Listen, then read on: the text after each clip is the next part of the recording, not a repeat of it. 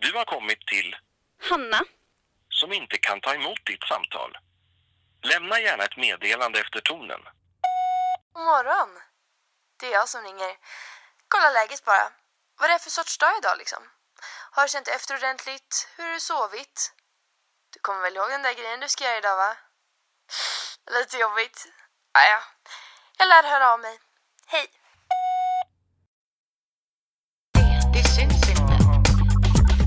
Syns inte.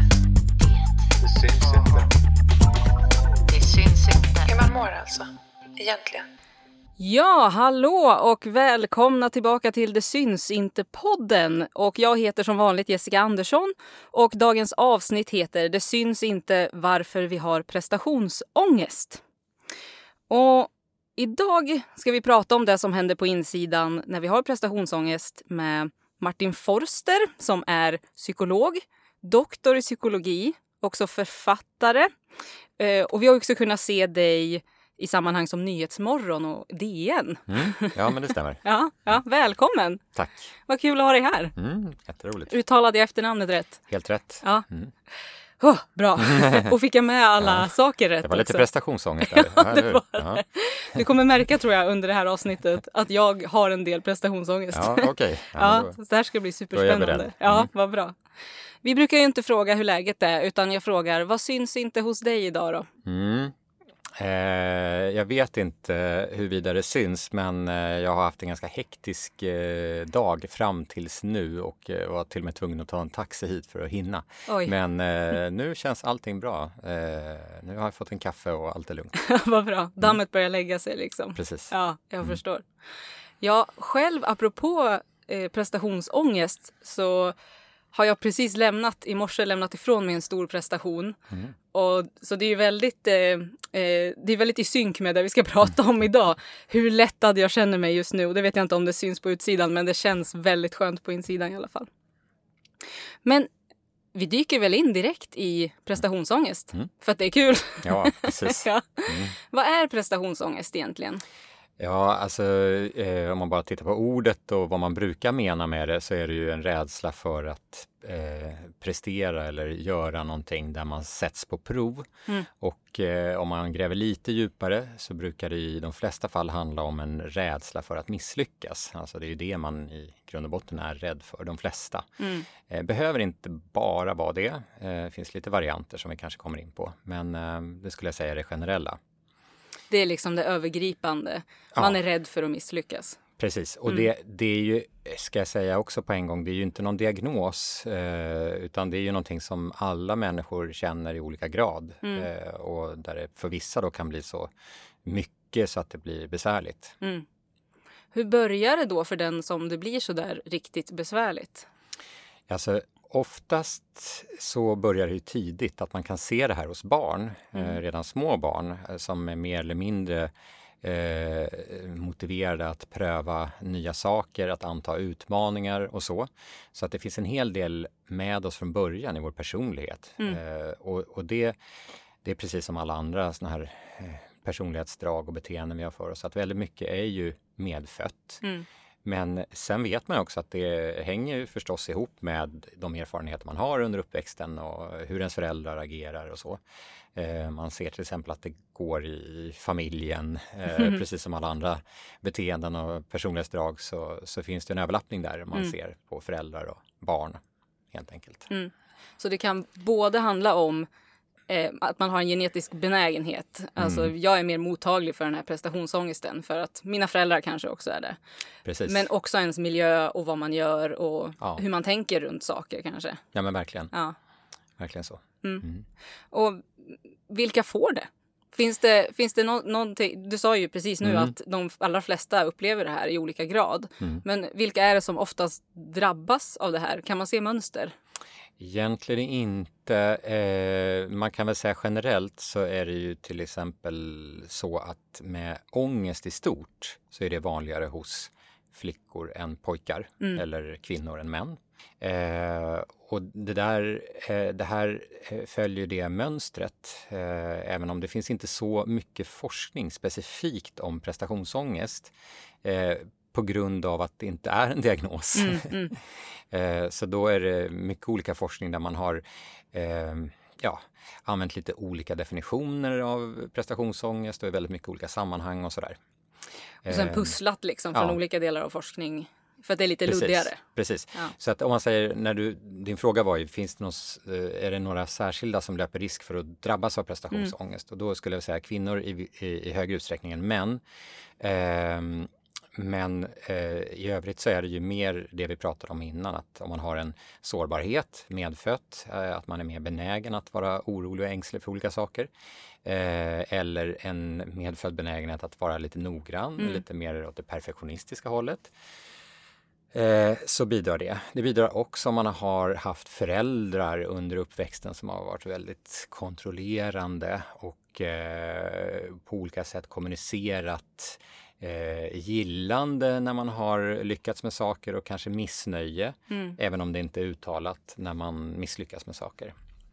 Ja, så man har kunnat under uppväxten läsa av att när jag gör någonting bra så, så får jag positiv, positiv respons och motsatsen känns inte så skön då för att man får negativ respons. Nej, och det, det forskningen har visat generellt det är ju att när sån kommunikation sker mer mellan raderna, eh, att det inte är uttalat utan man bara läser av det, känner på sig att det handlar om miner och sådana saker, då eh, påverkar det mer faktiskt än om föräldrar eh, kör lite mer raka puckar. Nu måste du skärpa dig.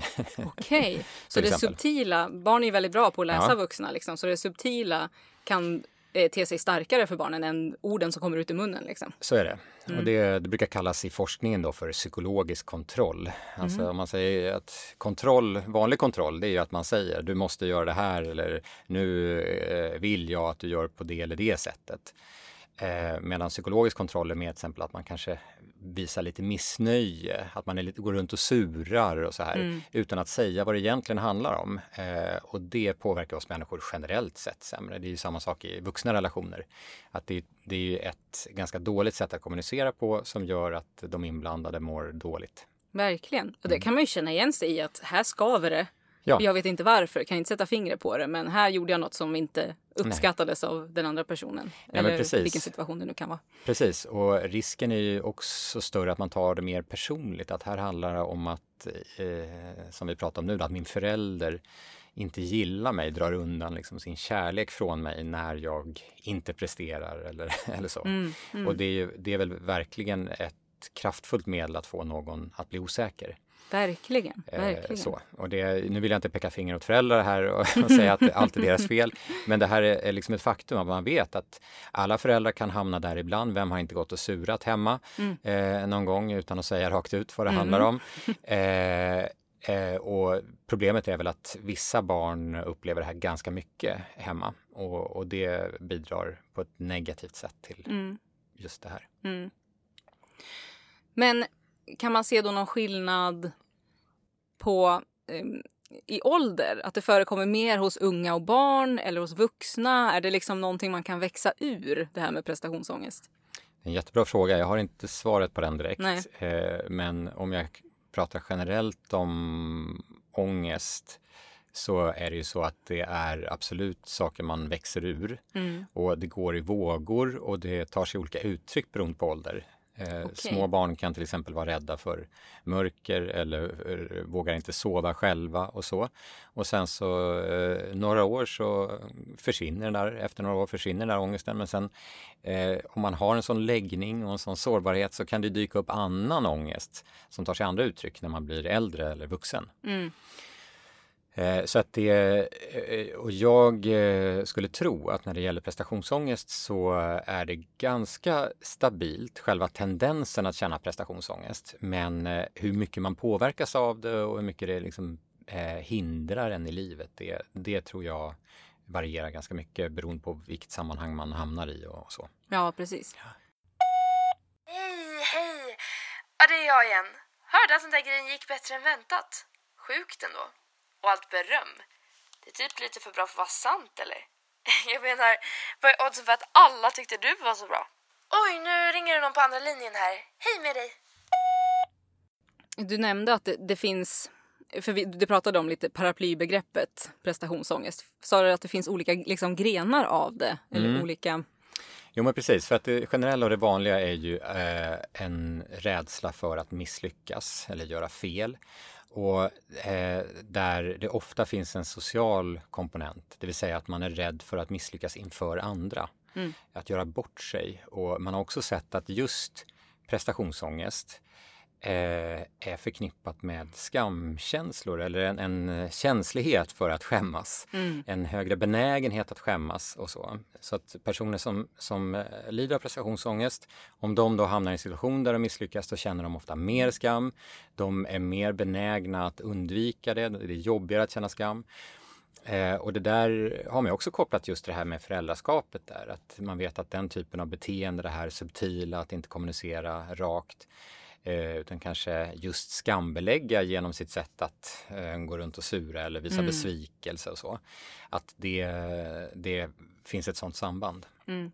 Och skam är ju en otroligt stark känsla. Verkligen. Så verkligen. det är ju inte konstigt om man ger vika för, för, att, för den känslan att man vill fly från skammen. Liksom. Nej, verkligen så. Mm. Så att det är liksom den stora gruppen. Mm. Eh, och sen har vi också eh, en, en annan grund till att känna prestationsångest kan vara mer åt det perfektionistiska hållet. Mm.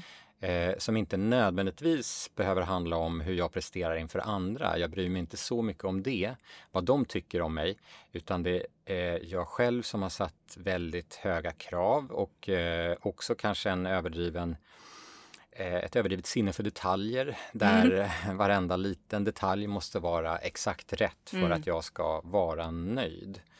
Eh, och eh, det, kan, det kan då yttra sig lite annorlunda och ha lite, annan, lite annat ursprung egentligen. Behöver inte handla om skam lika mycket då, Nej. eller som, jag, som sagt det här sociala, utan mer då den här noggrannheten eh, och eh, höga krav på sig själv.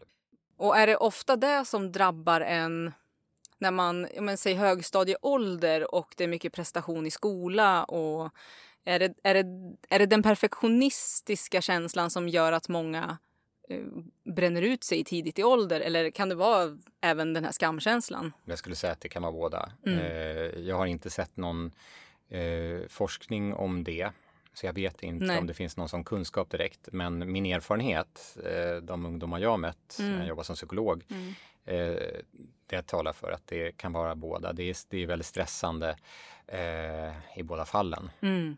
Eh, och det kan vara stressande på lite olika sätt om man tar eh, och gör två extrema typer här. Eh, om vi tar en, en ungdom som är väldigt åt det perfektionistiska hållet Mm. så kan ju hen bli väldigt stressad eh, inför varje prestation för att eh, hen måste plugga som en galning för att säkerställa Mm. att få alla rätt, eh, att komma ihåg precis varenda sak som står på varenda sida och så vidare. Mm. Så det är såklart att det bidrar till stress. Mm. För det blir en ohållbar arbetsbelastning. Ja, gud ja. Ehm, men eh, å andra sidan då om man eh, lagd mer åt det här hållet att man, man ehm, eh, tycker att det är jobbigt att prestera inför andra och man skäms mycket om man misslyckas. Det som kännetecknar eh, personer med sådana känslor är mer att man tenderar att undvika att anta utmaningar. Man gör så lite som möjligt. Man kanske till och med struntar i att plugga för man tänker att om jag inte har pluggat och misslyckas, då kan jag ju säga det. Både till mig själv och andra. Ja, jag försökte inte ens. Så Mm. att det är inget fel på mig, min intelligens eller min förmåga, utan jag ansträngde mig inte tillräckligt. Mm. Eh, och det är såklart att det bidrar ju också, förutom att hela den processen är jobbig, för man går runt och eh, oroar sig för att man ska misslyckas och hur man ska hantera det och så, så bidrar ju det beteendet också till att man faktiskt eh, kan börja klara sig sämre i skolan, eh, halka efter eh, och så, för att man hela tiden undviker de här utmaningarna och, och tar inte tag i saker och så. Och då byggs det ju på en stress när man Mm. halkar efter och känner då dagen innan att jag inte pluggar någonting. Och, Och det är verkligen en ond cirkel. verkligen så. Verkligen och så. så men ironiskt att det man är rädd för är att misslyckas och man gör det inte och då ja, inom citationstecken misslyckas. För Absolut. att man undviker det. Ja, och det är ju för att det allra värsta skulle vara om jag ansträngde mig maximalt eh, och ändå misslyckas. Då är ju det ett bevis på att det är något grundläggande problem med mig. Mm. Och då säger det någonting om min person. Just det. Ja. Men då, ett problem blir då alltså att em, mina prestationer hänger så nära ihop med min identitet. Mm. Eh, mina prestationer blir den jag är. Det är det som är problemet egentligen. Kan man Ja, säga. eh, absolut. Eh, det finns ju ganska tydliga tecken på det i forskning om eh, hur barn, framförallt har man gjort sån forskning när det gäller barn, tänker runt prestationer eh, och att det blir väldigt hindrande om det där blandas ihop. Men eh, ibland så behöver det inte vara den kopplingen för att man ska känna eh, ångest inför prestationer, utan ibland kan det bara vara att det är jätte, jättejobbigt att misslyckas utan Mm. att jag tänker på att det har med mig att göra och sådär. Mm. Så att det, Utan det kanske är mer den där överväldigande skamkänslan då som inte är skön. Nej men precis Mm. och, och liksom exakt vad den handlar om, vad den innehåller är ju alltid svårt att veta för eh, det vet man ofta inte själv ens utan det, det är en väldigt grundläggande basal känsla Mm. som man har med sig från födseln och sen, som sen som sagt formas i samspel med föräldrar och där det kan vara helt ordlöst egentligen. Mm. Det är bara hur mina föräldrar ser ut när jag gör olika saker. Om jag känner det där gillandet, acceptansen, Ja. att det är högt i tak och sådana här saker. Mm. Det bidrar till att jag kanske inte utvecklar så mycket skamkänslor. Mm. Att de skrattar högt när jag gör bort mig istället för att liksom, eh, själva verkade, verka generade. Det är ju det är mycket mer den känslomässiga kommunikationen runt det här än vad som sägs egentligen. Mm. Så intressant. Som Man tänker att det är, jag antar att vi också behöver fundera på hur vi formulerar oss. Ja, men man tänker att det bara handlar om det. Men det är såklart, det hänger mycket i det här subtila som du sa. Ja, och det är också väldigt svårt att komma åt ibland. För att eh, de här känslorna som en förälder då kanske har. Mm. Om en förälder blir generad över hur ens barn beter sig någon gång. Eh, de känslorna dyker ju bara upp. Mm. Och att hantera det där, börja dö- dölja känslor fungerar sällan. Så att då måste man ju jobba med det där på lite mer djupare plan för att komma åt det. Precis. Mm. Jag har ju en eh, lyssnarfråga till dig här. Mm. Eller jag har två, men du får den här nu.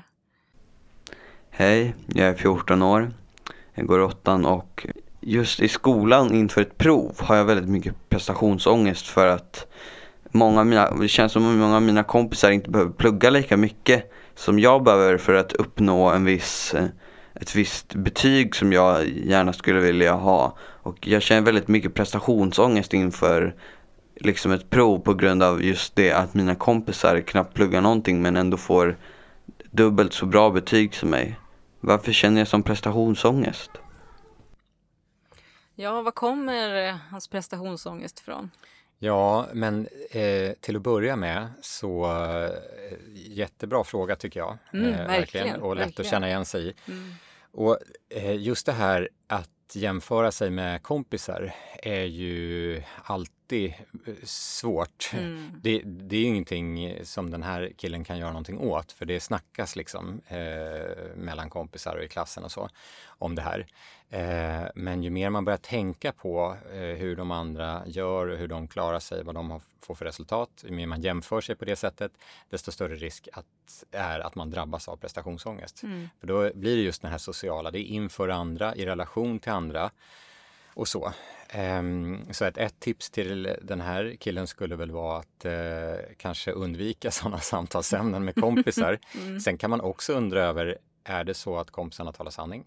Ja, precis. Eh, Att börja ifrågasätta lite. Precis, Mm. eh, för att det är ju väldigt vanligt att eh, människor säger jag har inte förberett mig, jag har inte ansträngt mig. Eh, men för att alla som sagt lider lite av prestationsångest så det är skönt att safea eh, Mm. genom att först säga så. Att man Eh, inte har pluggat. Precis, Mm. eh, eller att säga så efteråt för att inte framstå som en plugghäst. Och särskilt, det vet man också när man tittar på hur killar och tjejer resonerar om betyg och eh, skola och så, att det är ju särskilt vanligt att killar inte vill framstå som för ambitiösa. Just det. Eh, så att, så kan det vara. Men sen förstår jag mycket väl, eh, frågan var ju också varför känner jag som prestationsångest? Mm. Och eh, det blir väl lätt så tror jag, om man jämför sig och så får man höra att de andra har ansträngt sig mycket mindre än jag. Jag behöver anstränga mig så här mycket. Då kopplar man sig det till sig själv och hur jag är som person, hur jag presterar.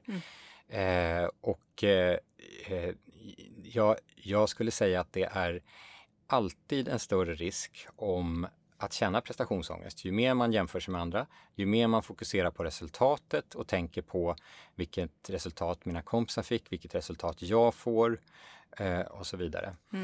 Ju mer man bara kan fokusera på vad är det jag behöver lära mig, vilket jag tycker att den här killen verkar ta på allvar. Han Ja. ser att jag behöver plugga så här mycket för att få ett visst betyg ännu mer kan han fokusera på, men vad är det jag behöver lära mig? Vad är det jag inte förstår än? Vad är det jag inte kommer ihåg än inför det här provet? Vad är det jag behöver ta med mig? Vad är det jag behöver ta med mig? Och bara bocka av det. Så inför ett prov, eh, bara jämföra sig med sig själv och fundera på vilka delar av det här som jag nu pluggar på är det som jag inte kan än?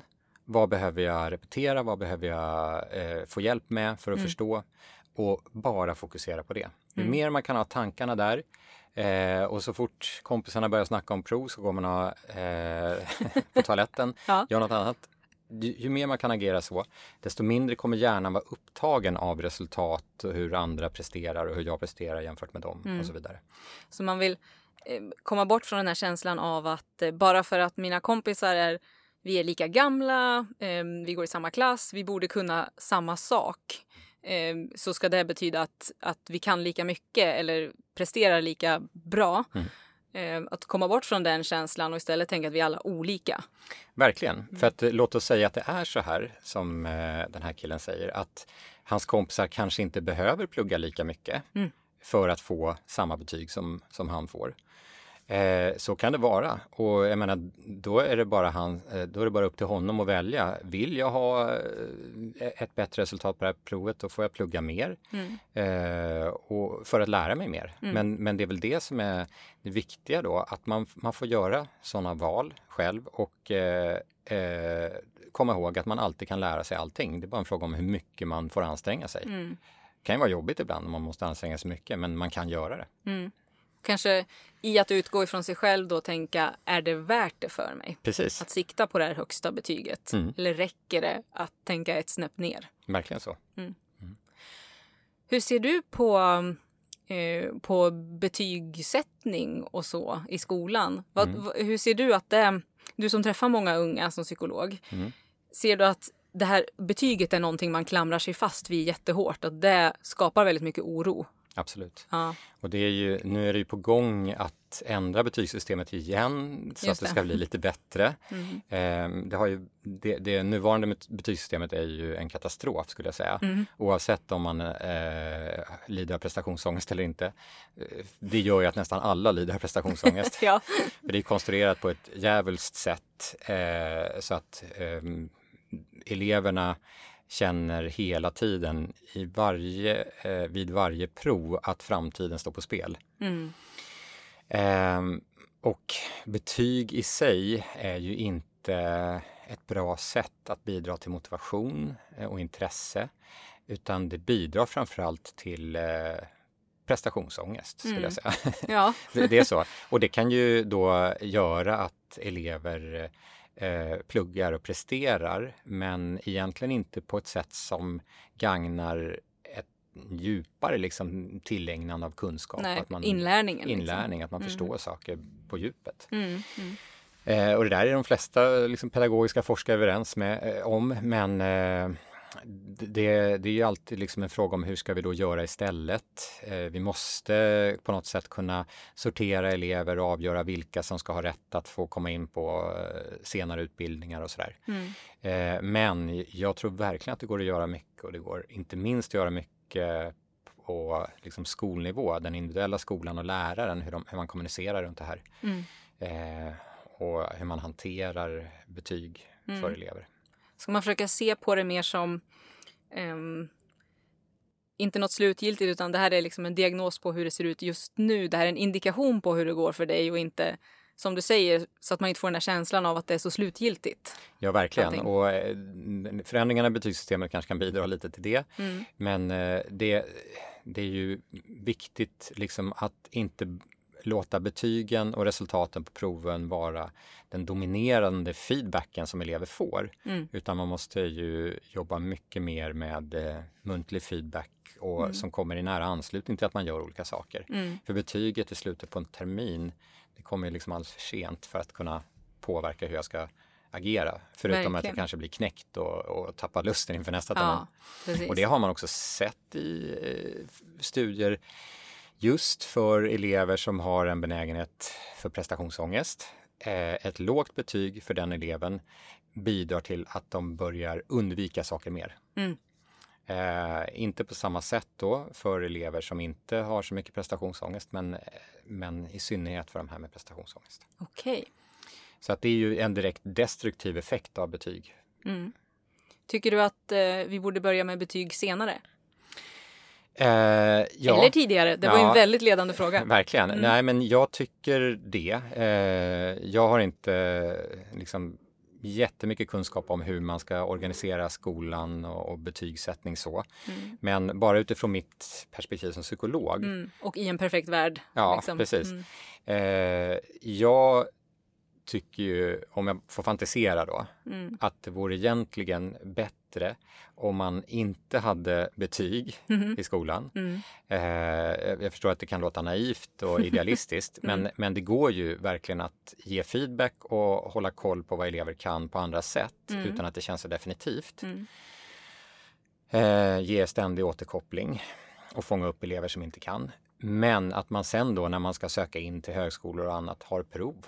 Mm. Det är klart att det är också stressande. Mm. Men eh, det är inte den där utdragna kontinuerliga stressen under år. Nej, som blir en så stor del av ens vardag. Exakt, liksom. Mm. exakt. Eh, utan det, det blir också då, det, det finns för och nackdelar med allt, men jag skulle vilja se att eh, man drar mer åt det hållet. Mm. Mm. Intressant tanke. Mm. Jag är benägen att hålla med. Ja. Jag känner mig lite åsidosatt. Vill bara påminna om att jag är kvar här. Jag har inte försvunnit om du trodde det. Jag ser att klockan är tre nu och då brukar ju du och jag börja bli lite eftermiddagssvaga och höras för att älta lite grann. Jag tänkte förresten på det där inlägget du gjorde nyss. Ganska få likes på så lång tid va? Men det är nog lugnt. Du behöver nog inte radera inlägget typ nu. Eller... Nej. Nej. Hej med dig, hej med dig. Eh, det här var ju en eh, eh, 14-årig kille som då går på högstadiet, går i skolan.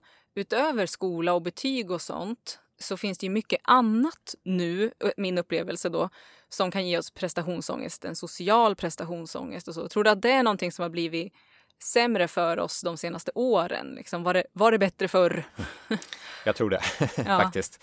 Eh, just på det sättet. Ehm, för som vi var inne på tidigare, apropå den här killens fråga, så är ju jämförelse med andra en, en del av det här problemet. Mm. Och möjligheten att jämföra sig med andra har ju ökat eh, mångfalt i och med sociala medier som Mm. också är underbara och fantastiska på massa olika sätt. Verkligen. Men eh, där, där den här risken såklart ökar. Eh, att man dagligen ser sig, om vi tar bara en sån sak som hur man ser ut, eh, ser sig själv, kan jämföra sig med andra. Mm. Eh, man jämför sig, och det gäller ju eh, i alla åldrar, man jämför sig socialt. Hur Mm. fra- liksom, socialt framgångsrik man verkar vara, hur eh, roligt liv man verkar ha Mm. eh, och sådana saker. Det är ju helt andra möjligheter till det idag. Mm. Eller risker för det Mm. kanske man säger. Och även för vuxna, alltså inte Ja. bara för, för en högstadieelev. Verkligen Mm. så. Eh, det är ju väldigt påtagligt eh, och kanske eh, än mer påtagligt hos vuxna är väl just det här sociala jämförelsen, hur lyckat liv man verkar ha, vem som Mm. har härliga semestrar eller middagar med vänner eller sådana saker. Och inredning i huset. Ja, inredning är ju verkligen en sån eh, tävlingsgren. Eh, så att det finns ju mycket som, som jag tror att förr i tiden eh, fanns inte lika många tillfällen när man jämförde sig på Nej. det sättet. Hur, hur tycker du att samhället ser annorlunda ut idag från ja, men, 50 år bakåt? Gör vi någonting i samhället nu? Finns det strukturer som gör att vi får mer prestationsångest? Ja, det skulle jag säga. Mm. Eh, dels har vi ju det vi nyss pratade om, eh, inträdet av eh, sociala medier Mm. eh, och vi har ju också sen det är en, en utveckling som har pågått ganska länge, eh, men en rörelse mot allt mer individualism, att man värderar liksom, eh, individuella saker mer, högre. Det vill säga hur framgångsrik jag är, hur mycket pengar jag kommer tjäna, eh, har blivit viktigare över tid jämfört med eh, kollektiva värden som vilket samhälle vill jag att vi ska leva i och sådana saker. Gemenskap, eh, föreningsliv, Ja, precis. Så den typen av värden. Och det skulle jag säga bidrar också till en prestationsångest för då är vi ju individer som tävlar på en marknad mer där, där min framgång jämförs mot andras individuella framgång snarare än vår framgång. Och allt ligger på mina axlar. Det blir bara på mig då att, att verka framgångsrik och inte nu är hela, hela gruppen framgångsrika tillsammans. Liksom. Nej men verkligen. Och det, det är ju också tydligt om vi tar återigen ungdomar hur vi idag, och det gäller väl även i många andra sammanhang senare i livet för vuxna, men hur, hur vi idag har så många val eh, och möjligheter att välja olika utbildningar eh, som gör att det blir också mer upp till individen att forma sin framtid, att lyckas eh, och bli framgångsrik. Man kan välja fel och så. Där eh, jag tror att det var lättare förr när man inte ställdes inför lika många val. Ja, ja, jag tycker verkligen att, ehm, eh, att jag kan se hos mig själv att min prestationsångest ligger nära min beslutsångest. Eh, för att jag måste ju fatta det perfekta beslutet och då blir det prestationsångest. Ja men verkligen. Eh, med alla de här valen då. Är det, är det bra eller dåligt då att säga till sitt barn att du kan bli precis vad du vill? Mm, precis, jättebra fråga. Har du fått höra det förut? Nej, Nej. eh, men det är en jättebra fråga tycker jag. För att det, det är ju en, på ytan en väldigt uppmuntrande och, och känns som en fråga som, som ska eh, inge en känsla av frihet och möjlighet. Ja, precis. Och man säger det med all kärlek. Liksom. verkligen så. Eh, men eh, risken finns ju att det blir stressande. Mm. Eh, för då eh, är det upp till mig. Ja. Eh, och jag tror att det, det ligger en hel del i det där. Eh, finns ju också, om vi säger i samhället sedan ganska många år nu, en stark liksom, utveckling inom entreprenörskap. Att det plötsligt är ett yrke som, som har dykt upp och är ganska vanligt och många unga vill bli entreprenörer och så. Jämfört med eh, tidigare när man kanske bara såg fram emot en anställning. ja. Eh, så det är, också, det, är, det är också mycket mer prestationsorienterat. Verkligen. Eh, för det är, entreprenörskapet är ju verkligen en tävling där Ja. man kan lyckas eller misslyckas och det, det, det står och faller med mig. Ja. ja, och de tendenserna ser man verkligen tidigt. För att jag tycker att nu när man tittar på Instagramkonton väldigt tidigt så börjar unga att eh, marknadsföra sig själva nästan som ett varumärke. Just det. Mm. Ja men visst. Eh, så att det, har, det har ju eh, dykt upp många sådana yrkesvägar. För det är ju i realiteten yrken Mm. som finns idag som kan fungera bra men eh, som också gör, kan bidra till stress då. Mm. Verkligen. Det är jag igen. Skulle bara säga att du är sämst. Men det visste du ju redan. Okej, höres! Jag har ju en till eh, lyssnarfråga. Mm. Och den här ska jag läsa. Den här är ju också anonym då, men jag läser den. Så får vi se vad du säger. Min son är 11 år och stressar upp sig enormt inför prov och gråter, säger hemska saker om sig själv, skyller ifrån sig på andra eller att frågan var dålig eller att han missförstod eller att fröken är dum i huvudet och så vidare när det blir fel då. Vad kan vi göra för att hjälpa honom? Mm. Det där är ju en jättevanlig situation skulle jag säga. I många barn som känner sådär. Och eh, det som eh, mamman beskriver här, att han efter eh, ett prov där han känner att han misslyckats då skyller ifrån sig eller hittar förklaringar, är också väldigt vanlig strategi för att hantera prestationsångest. Mm. Eh, så att vi har både det här att man safear innan och eh, undviker att plugga, gör inte, anstränger sig inte, gör inte sitt bästa Mm. för att liksom sänka tröskeln. Eh, men efteråt också då hittar förklaringar, bortförklaringar. Och det är just för att det är jobbigt att stå där och att ha misslyckats inför andra och då vill jag lindra den smärtan genom att eh, hitta förklaringar och skylla på annat. Mm, mm, Så det är fullt begripligt Mm. att han gör sådär. Men det är inte hjälpsamt i längden eh, såklart. såklart. Och, och det som ehm, eh, det finns ju många olika saker man kan behöva göra som en förälder om ens barn har sån här prestationsångest. Det kan vara allt från att eh, försöka vidga eh, perspektiven och vyerna eh, för det här barnet. Eh, om väldigt mycket av det här barnets självkänsla baseras på prestationer Mm. så kanske livet behöver fyllas på med andra saker. Att man inte lägger alla ägg i samma korg. Mm. Så. Eh, det kan handla om eh, allt från att göra mer saker med familjen som inte handlar om prestationer, att man försöker skapa möjligheter att bara umgås mer med kompisar eh, och därmed minska betydelsen av, i det här fallet, då, skolprestationer. Mm. Men eh, ibland så är det ju så att ett barn har ett helt balanserat liv och man umgås med kompisar och gör massa olika saker och mår bra i stort. Men just när det kommer till prestationer så drabbas man på det här sättet. Eh, så det man också kan behöva göra är ju att jobba med både då eh, förberedelser inför prestationer och hur man följer upp då, både när man lyckas och misslyckas. Så inför prestationer så kan ju föräldern försöka hjälpa till med att hålla fokus på det vi pratade om förut, nämligen vad behöver jag lära mig? Mm. På själva uppgiften, på inlärningen, vad jag inte kan, hur ska jag lära mig det, hur fungerar det? Och släppa allt fokus på resultat och så vidare. Mm. Och det där är såklart ingen förälder som inför ett prov säger nu måste du plugga så du får bästa betyg. Det är ingen som gör så. Nej. Men däremot kanske man säger så här, men det kommer gå bra, jag lovar dig. Du, hade ju, du fick ju jättebra resultat förra gången, jag lovar dig det. Så man pratar liksom ändå om det, att syftet med att plugga nu, det är att du ska få ett bra resultat. Det fick du förra gången. Mm. Och lägger ändå en värdering i det. Absolut, eh, för det var ju bra. Mm. Eh, så att det gäller att försöka påminna sig själv, där, vara uppmärksam på vad man, vad man säger och bara, ja ja, okej, ja, ja, jag förstår, det känns jobbigt, men, men hur kan vi gå igenom nu? Kan du visa mig här, vad är det du behöver hjälp med? Mm. Eh, vi gör en lista nu, vad, vilka grejer är det du behöver träna mer på, till Mm. exempel. Att kommunicera mer så Mm. och hjälpa barnet då att hålla fokuset på uppgiften. Mm.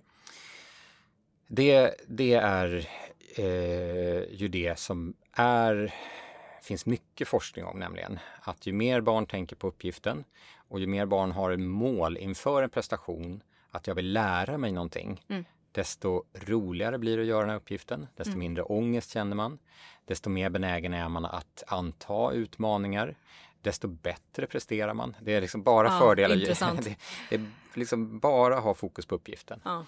Skickliga lärare eller för den delen eh, tränare i idrott, sportsammanhang Mm. är ju väldigt bra på det här. Mm. Eh, man kan se om man kikar in liksom på en eh, tennisträning, vad som helst, hur eh, vissa lyckas fånga mm, liksom barnens eller deltagarnas fokus på hur ska jag slå en forehand. Mm.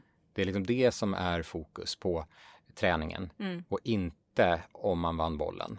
Mm. Eh, och det, det är ju mycket saker man behöver göra som vuxen där, som ledare, lärare eller förälder. Verkligen. Så det handlar mer om att identifiera eh, hur, hur vet jag att jag kommer klara det? Hur vet jag att jag har lärt mig saker? Om man kan sätta fingret på det, då har man ju någonting att gå mot. Mm. Och så kan man säga, "Nej, men när jag kan rabbla de här glosorna utan till, då kan jag det. Och Just då, då räcker det liksom. Exakt. Ja. Och då, så att det blir ofta att man får bryta ner liksom större eh, uppgifter eller material till lite mindre Mm. delar. Och kan jag det här? Mm. ja, nu kunde jag det här. Mm. Eh, om jag inte kan det, då backar jag och så får jag träna. Och så nu kan jag det. Ehm, men sen efteråt när sonen kommer hem och har misslyckats och skyller ifrån sig. Eller vi kan säga att han lyckas först, Mm. får bra resultat. Då gäller det att kanske lägga band lite på sina reaktioner. Ja. Eh, och den förtjusning som man nog ofta känner, lättnad kanske. Mm. Eh, och säga saker som jag sa ju att det skulle gå bra och sådär. Mm. Guldstjärna. Ja, precis. Och det, man känner det man känner och det ska man visa och, och så. Men försöka att prata om, berätta, hur var det? Var det något som var svårt? Eh, om själva uppgiften igen. Mm. Eh, det du pluggade på, kom det på provet? Eh, och så vidare. Mm. Snarare än att bara jubla över hur bra det gick. Eh, på samma sätt då, när den här pojken misslyckas Mm. eh, och är missnöjd. Det behöver inte vara att han har misslyckats, men kanske inte fick alla rätt. Jag Nej, vet inte. precis. Ehm, då eh, är det ju ofta så att man som förälder kanske också bidrar lite till det här att hitta bort förklaringar. Att du är bra på andra saker och det spelar inte så stor roll och sådär. Ja, just det. Och det matchar ju då inte om man å ena sidan när det går bra blir jätteglad för då spelar det tydligen roll. eh, så att där är det ju viktigt att också försöka hålla sig till uppgiften. Mm. Okej, men vad var det som var svårt? Vad var det du inte kunde nu då? Mm. Eh, det kan man inte säga direkt med en förtvivlad 11-åring, men man får ta det sen nästa gång man ska plugga eller så. Gå tillbaka Mm. till provet. Ta fram det där provet, gå igenom det tillsammans med barnet.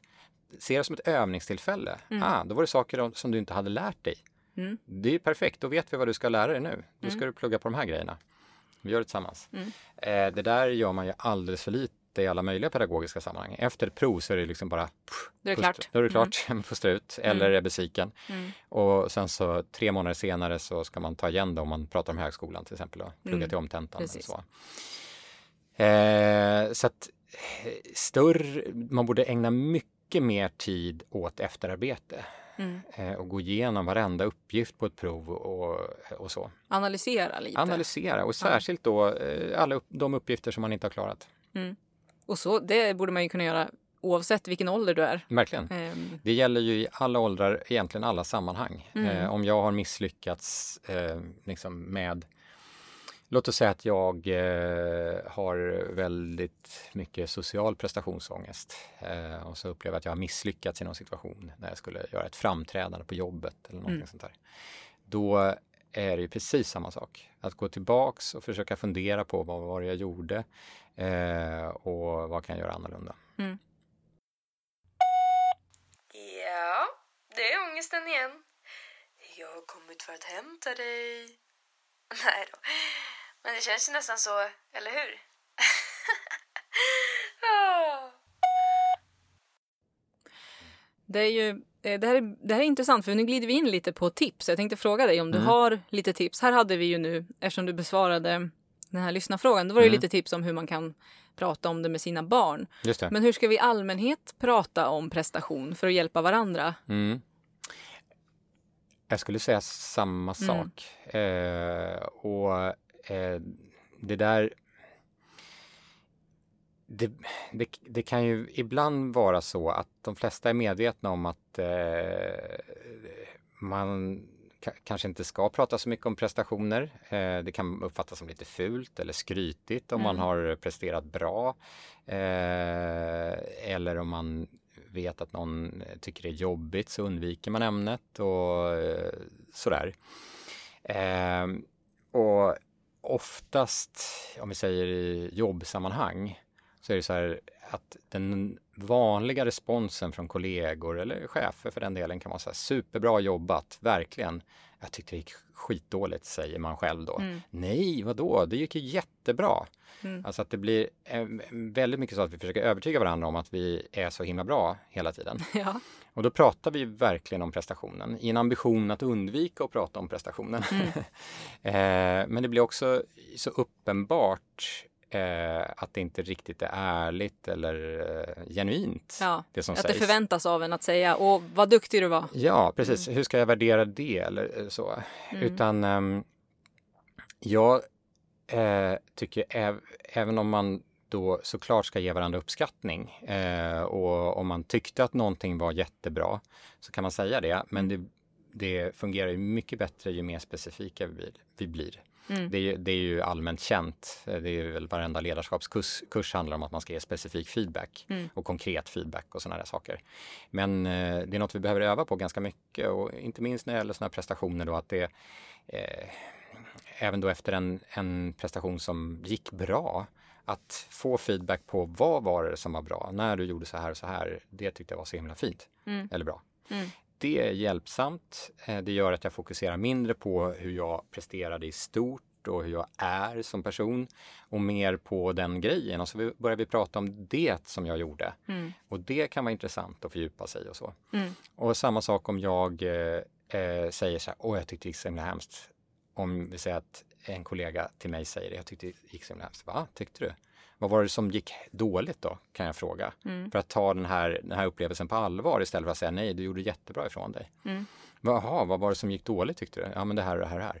Ja, okej, ja just det, du gjorde så här och så här och så här. Så pratar vi om vad du gjorde istället. Mm. För att, eh, och, och kan liksom fundera på, ja, var det dåligt? Det kanske var dåligt, eller det kanske fungerade dåligt. Mm. Eh, inte för att du är dålig, men att göra så kanske inte fungerade bra Mm. där.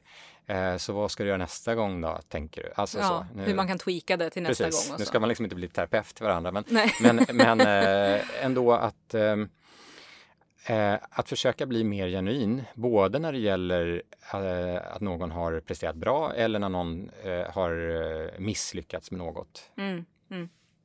Ja, nu, nu kom det precis in en till lyssnarfråga här från en tjej som heter Jessica som sitter framför dig. Mm. Hon, hon undrar varför, varför eh, när någonting går väldigt bra, varför känns det så jobbigt att behöva göra det igen? Ja. När man gjorde så himla bra ifrån sig, varför känns det så jobbigt nästa gång Just det. eh, när man ska göra det igen? Ja, det är en jättebra fråga från Ja. Jessica. Ja, jag ska hälsa henne. det. Ja. Eh, nej men det är det, för det är en väldigt typisk upplevelse Mm. för många. Och det har eh, ofta tror jag att göra med just det här att om jag har klarat någonting bra, då har jag höjt ribban för mig själv. Mm.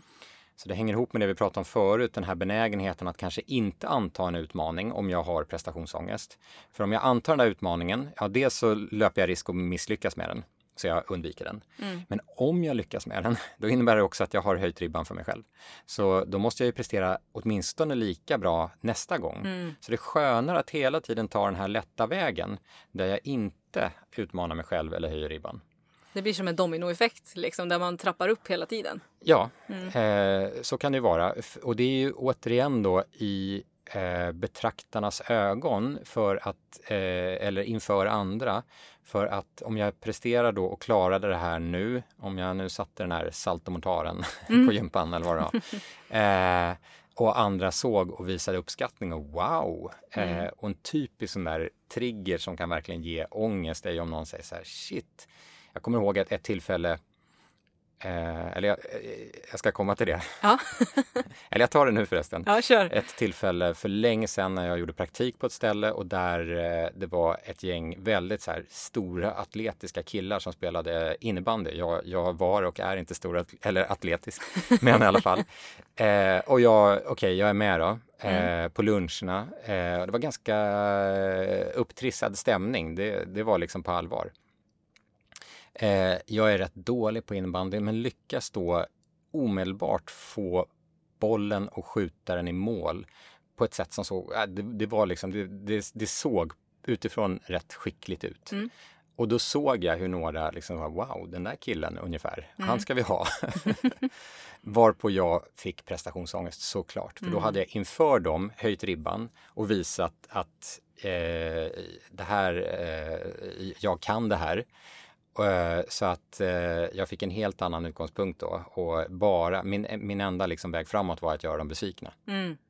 Och där kanske det också är så här att de, de var några som du kanske såg upp till, att de blev imponerade av dig. Ja, ja. Gör det också Mm. saken värre? Ja, absolut, det gör det såklart. Det gör det. Eh, Så eh, det är ju skönare att hela tiden puttra på och göra saker som man vet att man klarar av Mm. och där man också då klarar av, eh, liksom inte behöver ta nästa steg. Det är lagom, lagom nivå på det. Mm. Mm. Vad kan vi göra? Nu har vi pratat lite om eh, vad man kan göra, hur vi ska prata om det och vad man kan göra eh, liksom för att ta hand om varandra i det här. Men Mm. vad ska man göra för sig själv? Om vi börjar med när, när ångesten slår till. Mm. Vad ska man försöka göra i stunden för att klara av att göra det här som man ska göra? Hur man Mm, vågar precis. prestera. Du menar inför en prestation? Ja, Mm. exakt. Eh, ja, det som eh, är, det beror på lite. Mm. eh, en väg att gå är att jag verkligen tar mig an den här uppgiften. Eh, och eh, precis som vi pratade om tidigare med den här pojken som eh, eh, hade prestationsångest i skolan. Mm.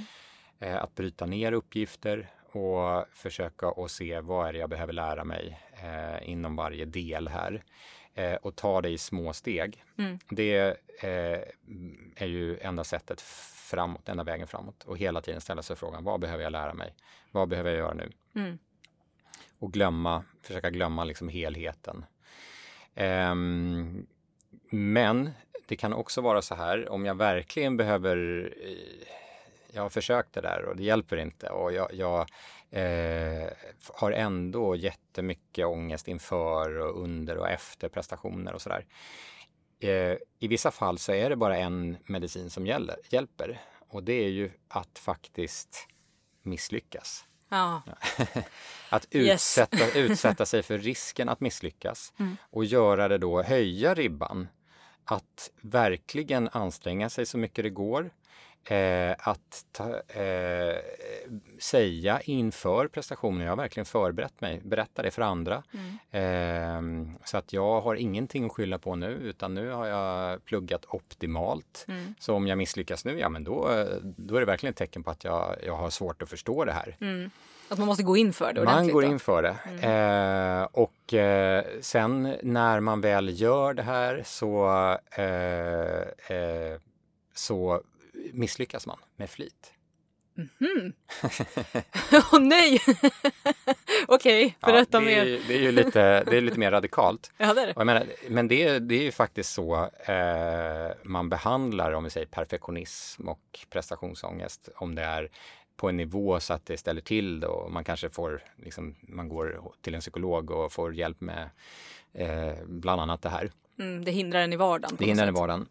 Eh, då är det ju ofta så att man får eh, uppgift att eh, göra misstag. Mm. Eh, man skriver mejl med slarv, stavfel, eh, formulerar sig dåligt, Gud. skickar till fel person, eh, gör såna här saker. Ja. Eh, lämnar ifrån sig en text som är full av stavfel. Mm.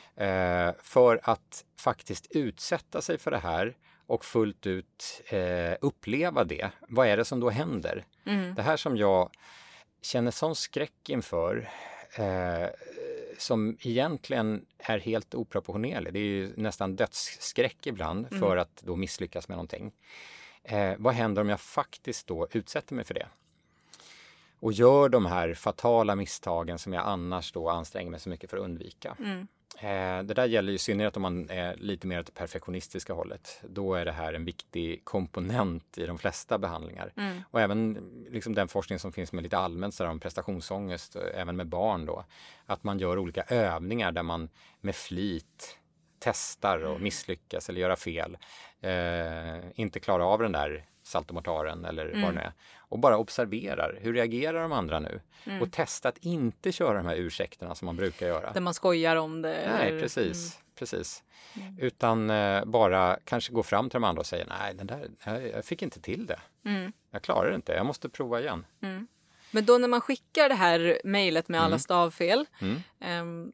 Då, då får, man, får man inte heller annonsera att man gör det. Utan man ska bara göra det Ja, ja, som att annars det är inget, business as usual. Liksom. annars är det inget test. Nej, okej. Jag bara Ja. frågar åt en kompis. Eh, Ja, precis. ja, vad ja. intressant. Precis, och det där måste ju ske, det är väl därför det, det, det här är ju kanske inte ett tips som jag brukar ge sådär i allmänhet, utan det här sker ju oftast i behandling då, där man kan göra det här tillsammans med någon psykolog eller terapeut. Eh, för att eh, det hjälper inte att göra det en gång och man måste ofta liksom eh, prata igenom det efteråt, diskutera vad man har lärt sig. Och, Ha lite förstå. hjälp att följa upp. Liksom. Precis, sådär. Eh, för att det kan ju, om man bara gör det en gång sådär så ger det väl oftast bara en massa skamsköljningar och sen så Ja. gör man inte igen och så tänker man det här hjälpte inte och sådär. Finns det en nivå man kan lägga det på för sig själv där du kan göra det utan hjälp av psykolog? Absolut. Nu, Har du några exempel ja, på nej, nu, hur man kan nu, öva på att göra fel? Ja, Utan att bryta mot lagen. Vi uppmuntrar inte att man bryter mot lagen i den här podden. Nej, precis. Nej, men eh, och nu kanske jag säger emot mig själv här, eh, för att jag sa nyss då att det här gör man tillsammans med en psykolog. Mm. Men eh, det går ju absolut att göra sånt här själv. Man kan leka med sånt här. Mm. Att skicka iväg ett mejl med stavfel, det är inget farligt. Mm. Till exempel. Eller att liksom misslyckas eh, i, när man håller på med någon idrott eller så. Mm. Att eh, skrivas, liksom eh, lämna in ett prov blankt i skolan, ja men det kanske man inte ska börja experimentera med. Nej. Det får ju lite konsekvenser. Ja. Eh, men, men absolut, att börja testa sådana där grejer. Mm. När man då kommer på sig själv med att här sitter jag nu och eh, eh, är tokstressad och anstränger mig för att det här ska bli perfekt eller för att inte göra något fel eller för att förbereda mig optimalt. Att tänka på att ja, men jag lägger ner förberedelserna. Mm. Jag håller det här talet utan att förbereda mig alls. eller med utan några, någon liksom stödanteckning. Mm. Och så får det bli som det blir. Och när jag står där så får jag inte säga att jag glömde pappret eller jag har inte hunnit förbereda mig. Utan jag ska bara köra.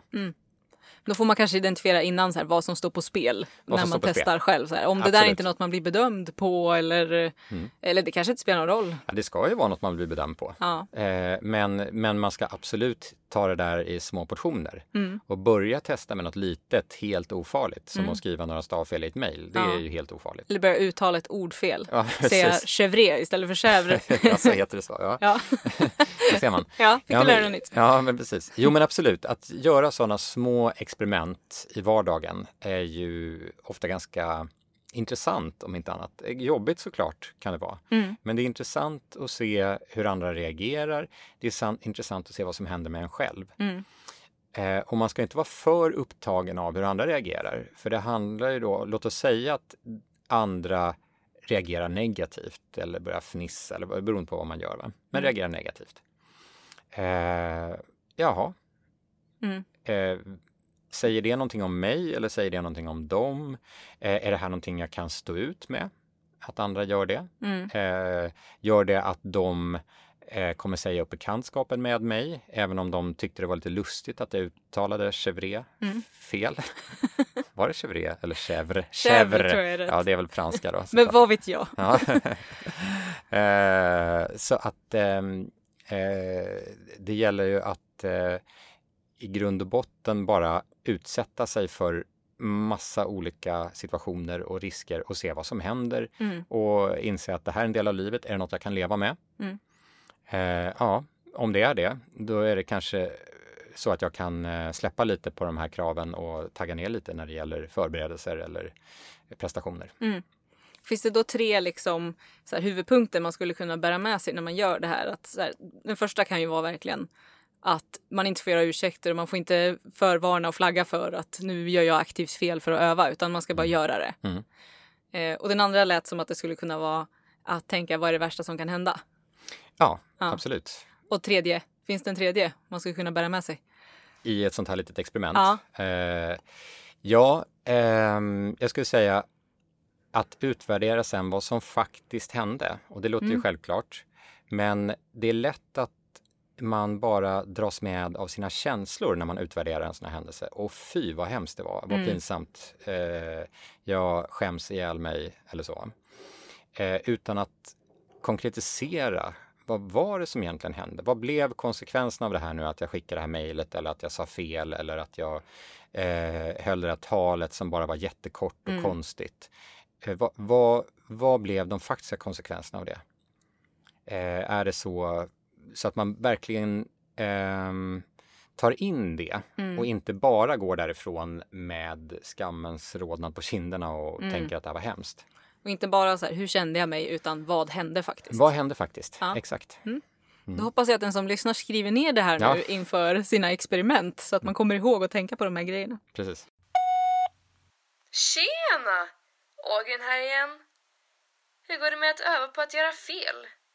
Har du ens lyckats med något misslyckande ännu? Nej, anade det. Sucker! Eh, men du har ju skrivit, eh, du har skrivit två böcker, eller? Mm. En av dem heter Jag törs inte men gör det ändå. Just det. Och där eh, pratar du mycket om, det är mycket om barn då, Mm. men du pratar om rädsla, men där ingår också lite om prestation. Mm.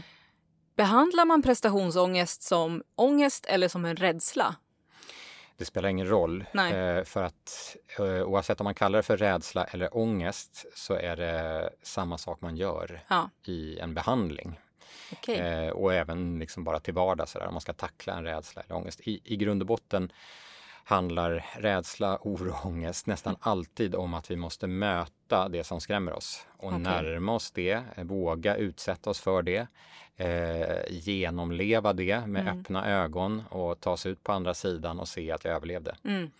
Ehm, för det är i det ögonblick som vi börjar undvika det som skrämmer, eh, undvika att ens utsätta oss för det eller utsätta oss för det men ha en massa tricks för oss som gör att vi ändå inte riktigt utsätter oss för det. Som Mm. till exempel att komma med ursäkter och sådär Mm. efter en misslyckande. Då har jag inte riktigt utsatt mig fullt ut för att misslyckas. Så att, eh, att bara möta rädslan, ångesten, oron rakt på och göra det som skrämmer mig Mm. eh, och se vad som händer och eh, sen gå vidare. Och då Det- lär vi oss att vi kommer överleva den här jobbiga känslan. Ja, och då är vi mer benägna att göra det igen. Absolut, och, och grejen är varför måste man då eh, faktiskt utsätta sig för det här? Kan man inte bara resonera sig fram till att det här är ju inte farligt. Jag borde inte känna sån här stress inför det här. Eh, men dessvärre är ju vår hjärna inte riktigt riggad på det sättet. Nej. Utan eh, rädsla, ångest, oro eller kort sagt vårt känsloliv eh, lyssnar inte på argument. Eh, för det är ju mycket mer basala funktioner i vår hjärna som enbart lyssnar på erfarenheter. Mm. Det vill säga om jag eh, faktiskt eh, går fram till den här eh, till det här räcket högt upp i huset och märker att jag inte plötsligt bara trillar ner. Ja. Det är då min hjärna lär sig att det här inte är farligt. ja. Det räcker inte med att jag eh, med logik försöker övertyga mig om det. För att det är en stark instinkt. Liksom. Det är en överlevnadsinstinkt. Absolut. Ja. Och det är, det är det även när det handlar om prestationsångest. Mm. Det bottnar ju i samma basala känslor som eh, till exempel rädsla för att trilla ner från ett högt torn eller Mm. rädsla för ett lejon eller vad som helst. Skulle en prestationsångest kunna bli en prestationsfobi? Är det så pass? Ja, jag skulle säga att det är samma sak. Fobi och ångest är utbytbart där. Mm. Eh, och det är väl, jag tror att de flesta eh, använder väl kanske ordet fobi som att det är ännu lite starkare. Mm. Att det är någonting man undviker helt eh, och får panik för och så. Mm. Eh, men det är egentligen samma sak. Ja, vi, vi börjar eh, närma oss slutet här. Mm. Men innan vi rundar av, då ska jag återigen pusha för den här boken. Jag törs inte, men gör det ändå. För den, den pratar ju om barn, men det är mycket där i som går att tillämpa på vuxna också. Verkligen. Jo, eh, så är det och det är väldigt liksom, lite som skiljer eh, vuxna och barn när det gäller ångest, för det är Mm. en sån grundläggande känsla. Verkligen.